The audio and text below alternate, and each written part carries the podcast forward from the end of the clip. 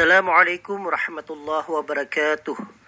Alhamdulillahirrabbilalamin Kembali pada hari ini saya akan menjawab satu buah pertanyaan yang telah disampaikan. Assalamualaikum dokter. Waalaikumsalam warahmatullahi wabarakatuh. Paman saya menderita gula yang tidak terkontrol dok.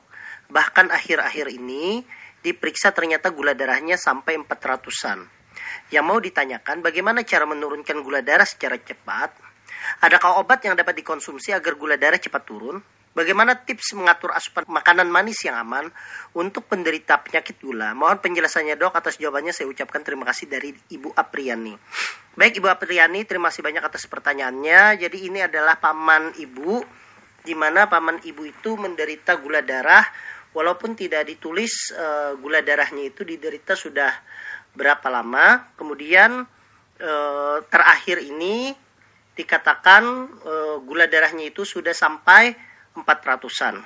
Pertanyaannya bagaimana cara menurunkan gula darah secara cepat? Jadi, menurunkan gula darah secara cepat itu bukan hanya tergantung dengan obat-obatan, tetapi juga tergantung bagaimana pola hidup kita dalam menjalani kehidupan sehari-hari. Jadi yang penting itu sebenarnya kalau gula darah itu yang pertama adalah pola hidup. Bagaimana makanannya diatur, kemudian bagaimana aktivitas fisiknya diatur, kemudian bagaimana olahraganya diatur, ditambah dengan obat-obatan. Nah, obat-obatan sendiri berdasarkan algoritma, kalau di Indonesia algoritma dari Perkeni, Perhimpunan Ahli Endokrin seluruh Indonesia, pengobatan itu bisa dimulai dengan obat oral atau obat yang diminum. Atau bisa langsung dengan obat yang diminum yang kombinasi. Atau bahkan kalau seandainya ada namanya gula darah rata, namanya adalah HbA1c, di atas 9 maka bisa langsung diberikan insulin. Kenapa tujuannya seperti itu? Untuk menjaga supaya gula darah yang tinggi ini tidak sampai merusak organ-organ yang berpotensi rusak akibat gula darah yang terlalu tinggi.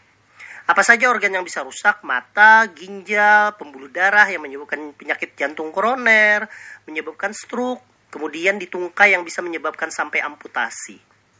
Jadi, tentunya kalau pertanyaannya bagaimana cara menurunkan gula darah secara cepat, maka tentunya harus ke dokter agar dilakukan pemeriksaan secara komprehensif. Tidak bisa kita menduga-duga dengan mengkonsumsi obat-obat tertentu.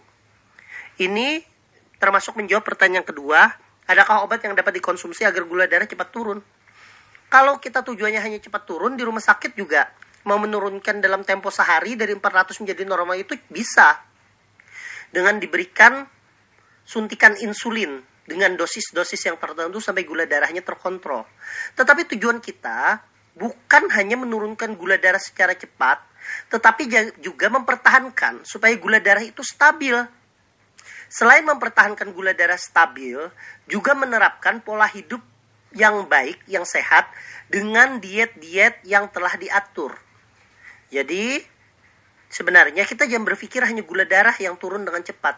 Karena kadang terlalu cepat menurunkan gula darah bahkan menyebabkan gula darah itu di bawah 80 atau di bawah 70 itu bisa menyebabkan terjadinya shock hipoglikemi yaitu terjadi keadaan penurunan kesadaran akibat gula darah yang terlalu rendah. Jadi memang tidak bisa kita meraba-raba dalam kasus yang awal obat yang cocok itu seperti apa. Wajib hukumnya kontrol kepada dokter agar dilakukan pemeriksaan menyeluruh. Bagaimana ginjalnya, bagaimana keadaan kolesterolnya, bagaimana tekanan darahnya, sehingga itu akan memberikan pertimbangan-pertimbangan tertentu terhadap obat-obat gula darah yang diberikan.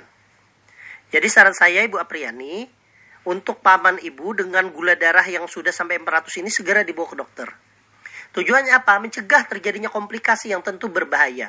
Karena kita ketahui bersama bahwa gula darah atau diabetes mellitus ini adalah mother of disease. Ibunya dari segala penyakit. Dari gula darah itulah munculnya penyakit jantung koroner. Dari gula darah itulah munculnya stroke. Dari gula darah itu munculnya gagal ginjal dan pasien harus cuci darah setiap dua minggu sekali. Dari gula darah itulah bisa munculnya penyakit kaki, luka di kaki yang bisa menyebabkan amputasi, sehingga kualitas hidup pasien menjadi menurun, dan lain sebagainya. Nah, bagaimana tips mengatur asupan makanan manis yang aman untuk penderita gula? Intinya sebenarnya adalah mengatur makanan proporsional sesuai dengan kebutuhan kalori. Jadi misalnya, pamannya Ibu Apriani ini kebutuhan kalorinya itu dalam sehari itu adalah 1900 kalori. Maka dihitung apa saja makan pagi, makan siang, makan malam disertai dengan snack di mana itu memenuhi 1900 kalori. Nah, 1900 kalori pun juga akan dibagi-bagi. Berapa karbohidratnya, berapa proteinnya, berapa lemaknya. Dan kalau seandainya mau yang agak manis, maka tentunya para dokter gizi ataupun para ahli gizi akan menawarkan gula dengan kalori yang lebih rendah daripada gula biasa atau gula pasir. Misalnya, kita memakai gula jagung. Nah, kalau gula jagung itu ternyata berdasarkan penelitian itu kalorinya itu jauh lebih rendah daripada uh, gula pasir. Dia hanya dalam satu sendok teh, dia hanya mengandung 15 kalori. Nah, itu per satu sendok teh. Jadi memang sangat rendah. Tapi biar bagaimanapun dia tetap mempunyai kalori, tetapi dia lebih rendah. Kalau kita menginginkan ekstra lebih manis. Tapi intinya, untuk kasus seperti pamannya Ibu Apriani, saran saya jangan meraba-raba, jangan mencoba-coba untuk mengobati sendiri karena itu adalah hal yang tidak tepat.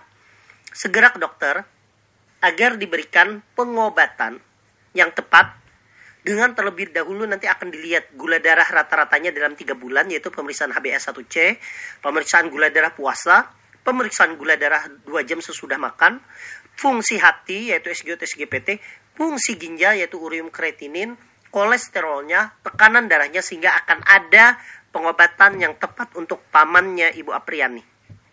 Setelah itu, pasti dokter juga akan memikirkan aktivitas apa yang harus dilakukan, makanan apa yang harus dijaga dan makanan yang dikonsumsi kalau perlu akan dikonsulkan kepada ahli gizi. Demikian, mungkin itu saja yang bisa saya jawab. Semoga pamannya Ibu Apriani diberikan kesehatan oleh Allah Subhanahu wa taala tidak sampai terjadinya komplikasi karena itu akan berbahaya, maka segera cepat dibawa ke dokter dan kita semua yang ada di sini diberikan kesehatan oleh Allah Subhanahu wa taala, dilindungi olehnya dan diberikan keberkahan dalam melaksanakan aktivitas sehari-hari. Wassalamualaikum warahmatullahi wabarakatuh.